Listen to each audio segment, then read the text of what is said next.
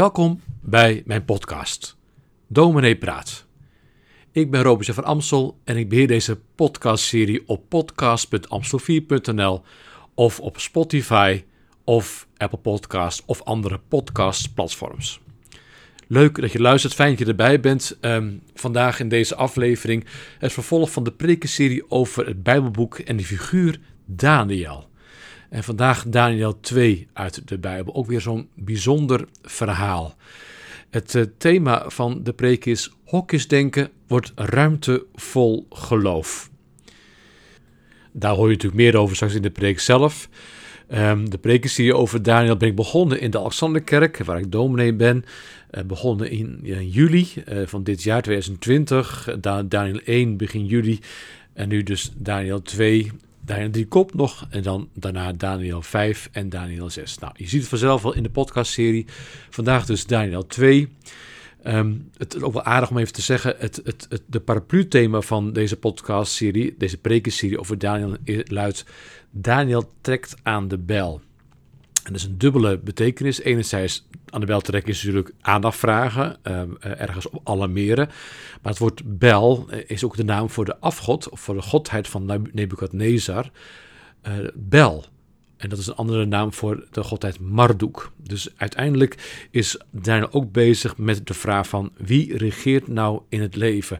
Welke God regeert? Welke, van welke God kun je bouwen? Op welke God kun je vertrouwen? Nou, en natuurlijk leert Daniel ons, als je zo het Bijbelverhaal leest, leer te vertrouwen in vol overgave op de God, de schepper van hemel en van aarde. Ik wens je veel plezier toe. De podcast verder verloopt als volgt. Er komt een kleine introductie door mij hè, tijdens de kerkdienst uh, van, uh, van begin augustus. Een kleine introductie. Dan volgt de, de lezing. Dan zal Matthijs Breukhoven een kort improvisatie spelen op het orgel. En daarna volgt de preek. Dus je zou kunnen doorspoelen en dan weet je een beetje waar je zit als je doorgespoeld hebt. Veel plezier, veel luisterplezier. Ik hoop ook dat je bij mag dragen aan, je geloof, aan geloofsvorming, aan je zoektocht. Want hoe je ook hier bent beland, uh, ik hoop dat God je wil zegenen in wat je hoort. Fantastisch literatuur, boek Daniel om te lezen. En vanmorgen um, hoofdstuk 2. Beeldgebruik, gekozen woorden, de spanningen die worden opgebouwd, de spiegels die worden gebruikt, de koning Nebuchadnezzar over de jonge vent Daniel, de oppergod Marduk, ook wel Bel genoemd, Marduk tegenover de God van Israël, de grootspraak en de rust. Er wordt heel erg gespeeld met allemaal tegenstellingen. En op allerlei manieren worden ook onze eigen vijf zintuigen aangeraakt, aangesproken. Zien, horen, proeven, voelen en ruiken. En dat is zoals ik net deed ook, uh, Herman, met het beeld. Stel je maar voor, dit verhaal leeft van de voorstelling, van je verbeeldenis. Nou, Daniel trekt aan de bel. Hij laat zien hoe groot onze God is en hoe die afgod bel uiteindelijk in zijn hemd gaat staan. En Daniel trekt aan onze bel. Wie ben je trouw in je leven? Welke God regeert in je leven? Wie dien je in je leven? En vanmorgen gaat het over denken in hokjes, in categorieën. Het werd voor mensen heel overzichtelijk, maar God steekt daar een stokje voor, want er is ruimte vol geloof. We gaan lezen Daniel 2, een aantal versen eruit. En als het goed is kunt u ja, meelezen via de Bibel. Daniel 2, vers 1 en volgende. In het tweede jaar van zijn regering kreeg Nebukadnezar een droom die hem zo verontrustte dat hij de slaap niet meer kon vatten. De koning gaf opdracht de magiërs, de bezweerders, de tovenaars en de galdeën, de sterrenkijkers, bijeen te roepen om hen te vertellen waar zijn droom over ging. En toen ze voor de koning verschenen waren, zei hij tegen hen: Ik heb een droom gehad die mij verontrust, daarom wil ik weten wat ik gedroomd heb. Hij vraagt aan die wijze heren, hoe ziet die droom eruit? En welke betekenis heeft deze droom? Maar ik Galdeen, van vers 10, antwoordde de koning, er is geen mens ter wereld die aan het verzoek van de koning kan voldoen. Daarom heeft geen koning, hoe groot en machtig ook, iets dergelijks ooit van een magier, bezweerder of een sterrenkijker gevraagd. Wat de koning vraagt, dus het vertellen van die droom, is te moeilijk. Niemand zal het de koning kunnen vertellen, behalve de goden. Maar ja, die verkeer niet onder de stervelingen. Let op, hierop verloor de koning zijn geduld en hij gaf woedend het bevel alle wijzen van Babylonië ter, dood te brengen. Toen het bevel werd uitgevaardigd om de wijs te doden, liepen ook Daniel en zijn vrienden gevaar. Ze vrezen voor hun leven. Daniel vraagt aan Nebuchadnezzar om uitstel van executie, want Daniel wil graag vertellen wat de droom is geweest van Nebuchadnezzar. Maar eerst wil hij zijn vrienden halen. Vers 17.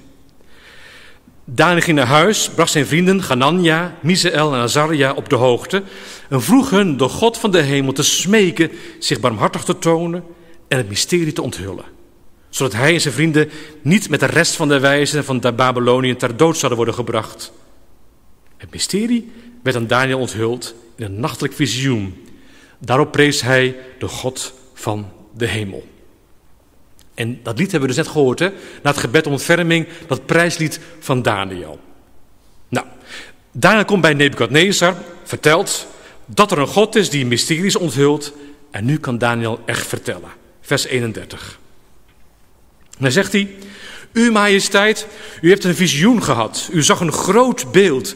Dat beeld was reusachtig en, en bezat een prachtige glans. Het stond voor u en de aanblik ervan was afschrikwekkend.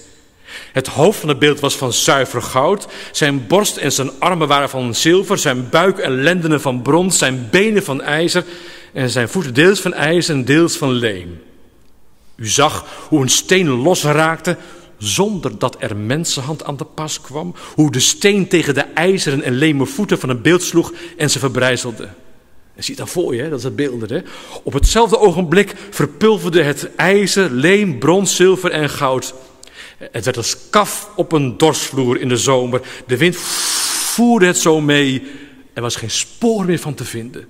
En waar de steen tegen het beeld was geslagen, werd een, werd een hele hoge berg die de hele aarde bedekte. Dit was uw droom, zegt Daniel. En nu zullen wij de koning vertellen wat die betekent. Uw majesteit, koning der koningen, aan wie de God van de hemel het koningschap, de macht en kracht en eer heeft verleend, aan wiens hand hij de mensen, de dieren van het veld en de vogels van de hemel heeft toevertrouwd, waar ze ook wonen, aan wie hij heerschappij heeft gegeven en geschonken over allen. U bent dat hoofd van goud. Hm. Zie je het voor je zo? Nou, dat klinkt goed, hè?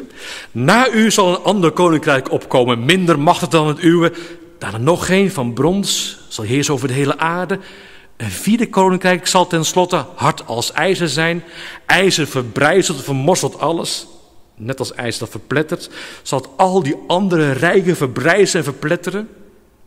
U zag dat de voeten en tenen voor een deel uit pottenbakkersleem en voor een deel uit ijzer bestonden.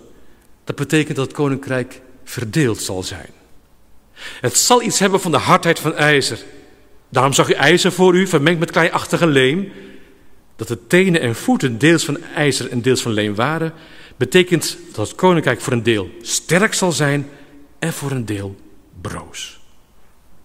U zag ijzer vermengd met kleiachtige leem. Dat betekent dat die delen zich zullen vermengen in het nageslacht, maar zullen, niet zullen zich niet verbinden, zoals ijzer zich niet laat verbinden met leem. Maar ten tijde van die koninkrijken zal de God van de hemel een rijk laten opkomen dat nooit te zal gaan en dat nooit op een ander volk zal overgaan. Het zal al die koninkrijken verbrijzen en vernietigen, zelfs zal het eeuwig bestaan. Precies zoals u zag, dat er een steen van de berg losraakte zonder dat er een mensenhand aan te pas kwam en het ijzer, het brons, het leem, het zilver en goud verbrijzelde. De grote God heeft de koning laten weten wat in de toekomst te gebeuren staat. De droom is waar, de uitleg betrouwbaar. Let op. Toen knielde Nebukadnezar, de koning, neer, boog voor Daniel en beval hem offer te brengen en reukwerk en om op te dragen. De koning zei tegen Daniel, het is waar, uw God is de God der goden en de Heer der koningen. Hij onthult mysteries en daardoor hebt u dit mysterie kunnen onthullen. Tot zover deze lezing. Matthijs gaat een korte improvisatie spelen en dan zal ik iets vertellen over dit verhaal. Hokjesdenken wordt ruimte vol geloof.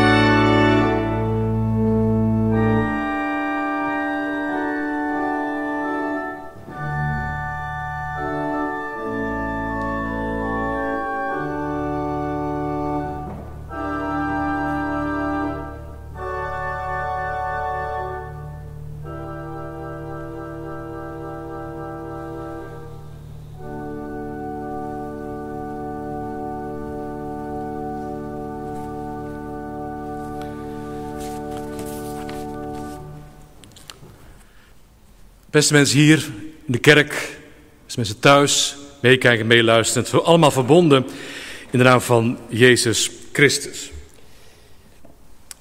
Ik heb je wat te, wat te bekennen. Ik krijg zelfs een droge keel van. Een jeugdzonde.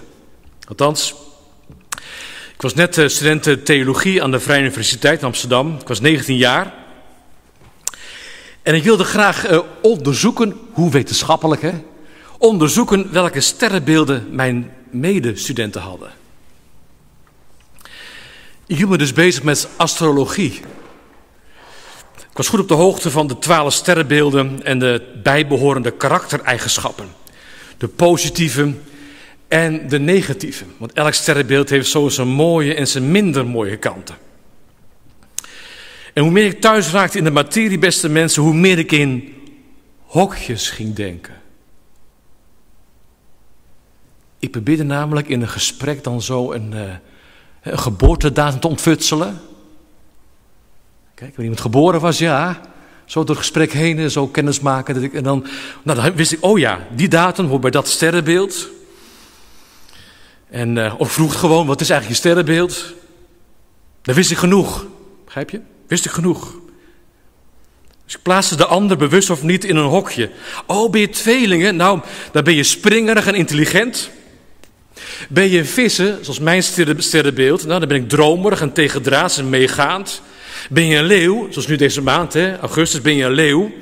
Dan ben je warmhartig en gul en kun je ook wel wat eh, melodramatisch zijn. Kun je van kleine dingen een groot drama maken. Dat soort dingen.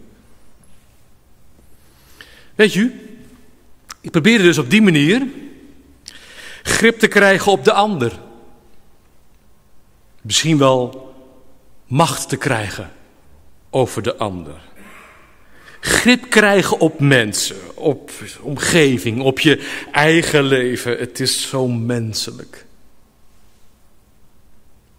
Ja. En voor de rust, ik doe niets meer mee hoor. Dus ik ga niet zitten kijken van wanneer is iemand geboren en dan gelijk, dat doe ik niet meer. Want het is uiteindelijk astrologie, ach. Het is echt een jeugdzonde geweest van mij. Dus het ligt achter me. Het is meegegeven met de vuilnisman, zou je kunnen zeggen. Maar het leuke is, astrologie, uh, dat bestaat al millennia. En die kunst en die, ja, die wetenschap, het kijken naar de sterren, heeft natuurlijk hele oude papieren. En ik ga dus met u vanmorgen en met jou een enorme sprong maken van het nu naar de tijd van Daniel. Dus we gaan dan zo'n, nou laten we zeggen, 2.500 jaar terug, zoiets. De Babyloniërs waren dus uh, gezegend met tovenaars, met bezweerders en dus met Galdeërs, met sterrenkijkers. En sterrenkijkers waren van zeer groot belang voor de koning. Want ze konden dus zien in de sterren hoe zal de geschiedenis worden. Maar ook elke ster, elke stand van de ster kon iets bepalen over het leven van de mensen. Van A tot Z, van je eerste ademhaling, je laatste adem, alles was vastgelegd. De sterrenkijkers wisten precies in welk hokje jij en ik zou moeten passen. Dus je kunt je voorstellen, het gaf de Galdeeën, die sterrenkijkers, ongelooflijk veel macht. Ook dus over die koning Nebukadnezar. Kun je je voorstellen? Nou, we horen het hè. Nebukadnezar is een koning met een groot uitbreidend rijk. Machtige koning. De sterren staan dus goed. Hij kent de zegen ook van zijn oppergod Marduk, de Babylonische oppergod Marduk, Bel. En weet u, ieder jaar moet, en ook voor de kinderen even, moet je me voorstellen, ieder jaar moet de koning helemaal plat liggen voor het beeld, zich helemaal klein maken. En op een gegeven moment heeft hij zich zo klein gemaakt en zo afhankelijk gesteld, dan komt de hoge priester van die godheid, komt naar die koning toe en geeft er een klap in het gezicht. Pats! Ja, serieus ja. Dus die grote Nebukadnezar moest één keer per jaar voor het beeld liggen. En dan moest hij opstaan en dan kreeg hij een smak voor zijn gezicht. Stel je voor, zeg, ik, ik zou bevestigd worden hier aan de Alexanderkerk twee jaar geleden. En de voorzitter van de kerkraad zou mij... Hè? Ja, precies. Je hebt, een, je hebt er een beeld bij. Die klap het gegeven dat je moest voelen...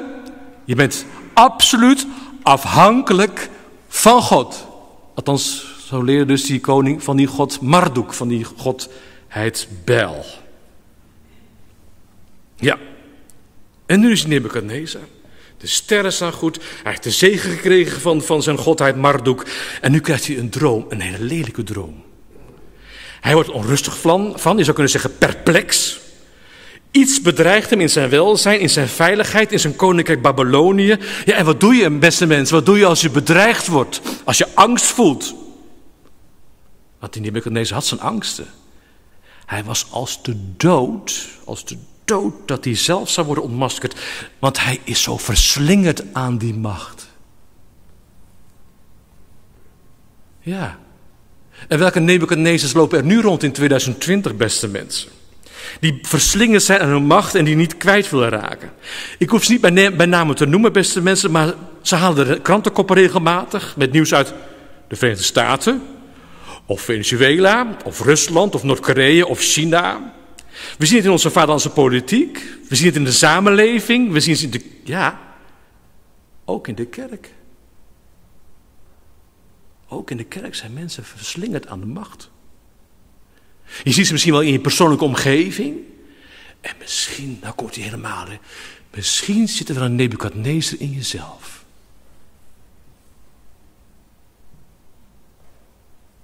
Een Nebukadnezer in jou. Kijk maar hoe je reageert als je wordt bedreigd in je eigen grip, in je eigen macht. Misschien zeg je, nou ja, jammer, oké, lastig en ik maak er wat van. Je gaat naar, zoeken naar een alternatief of je raakt in paniek, je raakt perplex. Je zegt, het is gebeurd, oh, ik, ik voel me wanhopig, wat moet ik nou, wat nu? Dat is je van die macht. Je grip houden, alles in eigen hand houden, zoals dat je knokkels helemaal wit gaan zien. Heel zo, hè? Alles in je hand willen houden. En niet alleen de macht van Nebuchadnezzar wordt ontmaskerd door het grote beeld in die droom, dat als een hoop stof achterblijft, als het verpulverd is door een, door een steen, ook de magiërs, ook die sterrenkijkers, die Galdeeën, die voelen zich behoorlijk bekeken, als ik het zo mag zeggen. Ze waren natuurlijk prachtig gekleed, want ze waren een van de belangrijkste mensen in het hof van de, van de koning. Maar ze stonden in hun hemd. Want ze kon niks vertellen over die droom van Nebukadnezar. Niets vertellen over de betekenis van Nebukadnezar. Ook zij worden ontmaskerd. Dat hele denken in hokjes, van, en dat mensen vastgelegd, vastgelegd zijn van A tot Z. Wat klopt daar nu van? Voel je het al wat hier nou gebeurt? Heel oud verhaal, maar oh, ook best wel actueel, vindt u niet? Wat gebeurt er met Nebukadnezar? Hij maakt van die levens van de magiërs en de sterrenkijkers hij maakt die tot de dood. Hier is hij vreed. Hier is hij zo bang. Ze moeten allemaal vermoord worden, zegt hij. Allemaal dood. In welke ideologie komen we dat niet tegen? Communisme, het nazisme, het Romeinse Rijk, Germaanse Rijk, de christelijke kruistochten, vergis je niet in de middeleeuwen, islamitisch terreur. Oké, maar wat doet Daniel nou? Die jonge man. Geleerd en wel, gepokt en gemazeld. Wat doet Daniel nou? Beste mensen in de kerk, beste mensen thuis. Hij vlucht niet. Hij schreeuwt niet. Hij beraadt geen aanslagen. Hij laat zich niet overmeesteren door onverschilligheid of ongeloof. Beste mensen, onthoud nou.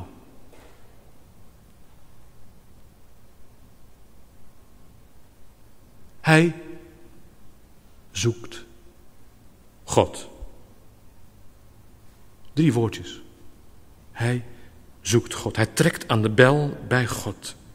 Hij vraagt aan zijn vrienden in vers 18: Smeek God barmhartig te zijn. Laat hem het geheim alsjeblieft onthullen van die droom van Nebuchadnezzar. En smeek is hier echt bedoeld. Maak je klein. Roep vanuit je hart tot God. Vertrouw jezelf toe aan die God. Maak je afhankelijk van die God. Smeek hem als je het gevoel hebt dat de dingen uit je handen glippen? Durf je je echt als mens over te geven aan die God in je leven? Dat niet alleen machten en krachten in je leven jou sturen, maar dat God je leidt en God je de weg wijst. Zie je dat voor je? Leidt God jou weg? Of is je verlangen naar macht grip krijgen, bewaren, vasthouden conserveren? Belangrijke vraag, beste mensen. Ik zeg het ook tegen mezelf. Hè? Ik kan wel spreken voor een jeugdzonde. Maar ook ik zal proberen steeds grip te krijgen op mijn leven, op het leven om me heen, op andere mensen natuurlijk. Ik heb ook te leren, nog steeds. Laat ik mijn weg leiden door God.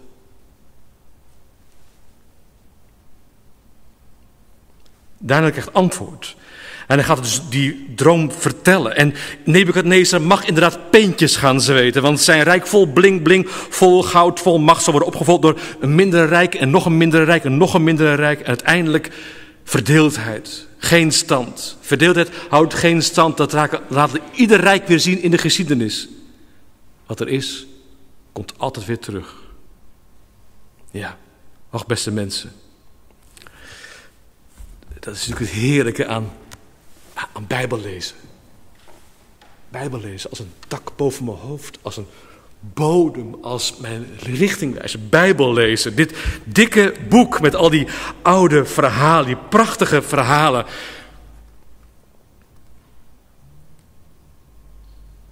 Maar het gaat over hokjes denken, machtspelletjes op lokaal of globaal niveau, alle getop over hoe het wordt in de wereld. En dan krijgt Daniel een, een, in een droom te horen over een steen die losraakt van een berg. Zonder een mensenhand aan te pas komt. Hè? Heb je het gehoord? Er komt geen mensenhand aan te pas. Dat is Bijbellezen. Hier hoor je iets van God. Er komt een koninkrijk, Godsrijk. Een steen die losraakt van een berg. Weet u, ik moet eigenlijk denken aan die geboorte van Jezus uit Maria. Zonder mensen ingrijpen, wordt God een kind, de rollende steen. En alles wat deze kind, alles wat deze Jezus doet, is verwijzen naar het koninkrijk van God. En de mannen die de macht hadden in Jeruzalem, hoort u het? Die, ook van die Nebukadnezars, die macht hadden, die werden hun macht bedreigd door de Jezus. Hij verpulverde de hypocrisie, de leugen, de zonde. Uiteindelijk verpulvert hij aan het kruis de dood. Hij staat op en die liefde van het koninkrijk zal de hele wereld bedekken. Dat hoor ik in het visioen van wat Daniel zo vertelt tegen die koning. Gods koninkrijk komt. Zet iets in beweging om uiteindelijk helemaal de aarde te bedekken. Er komt een nieuwe wereldgemeente. Is al voelbaar, is al tastbaar. Want die steen rolt ook tegen jouw voeten aan. En bepaalt je bij de vraag, waar sta je op? Wie vertrouw je? Door wie laat je je leiden? Er komt een wereld aan waar niet in macht wordt gedacht, maar in dienen. Waar niet in geld wordt gedacht, maar in delen. Waar geen klappen in het gezicht worden gegeven, maar plakken van zegen. Die steen komt. En ik eindig nu met vier vragen. En dan een amen. Durf je God te vertrouwen in deze tijden van onrust, van COVID-19, van politieke spanningen en masvertoon? Durf je je denken in etiketten en hokjes los te laten en kijken wat Jezus deed? Durf je echt met handen en voeten de liefde te leven die God je geeft? Kun je zien dat steentje van Gods koninkrijk, dat ook jouw zonde en je schuld verpulvert? Kun je zien en geloven dat jij leeft omdat God leeft. God is trouw. Hoe trouw ben je Hem? En dat haalt je uit het hokje van alle denken en geeft je ruimte vol geloof. Amen. Je hebt geluisterd naar mijn preek over Daniel 2. Dankjewel voor het luisteren naar deze podcast. Je kunt andere podcasts ook vinden op www.podcast.amstel4.nl of via Apple Podcast of Spotify. Zoek op de termen Dominee Praat. Graag tot de volgende keer.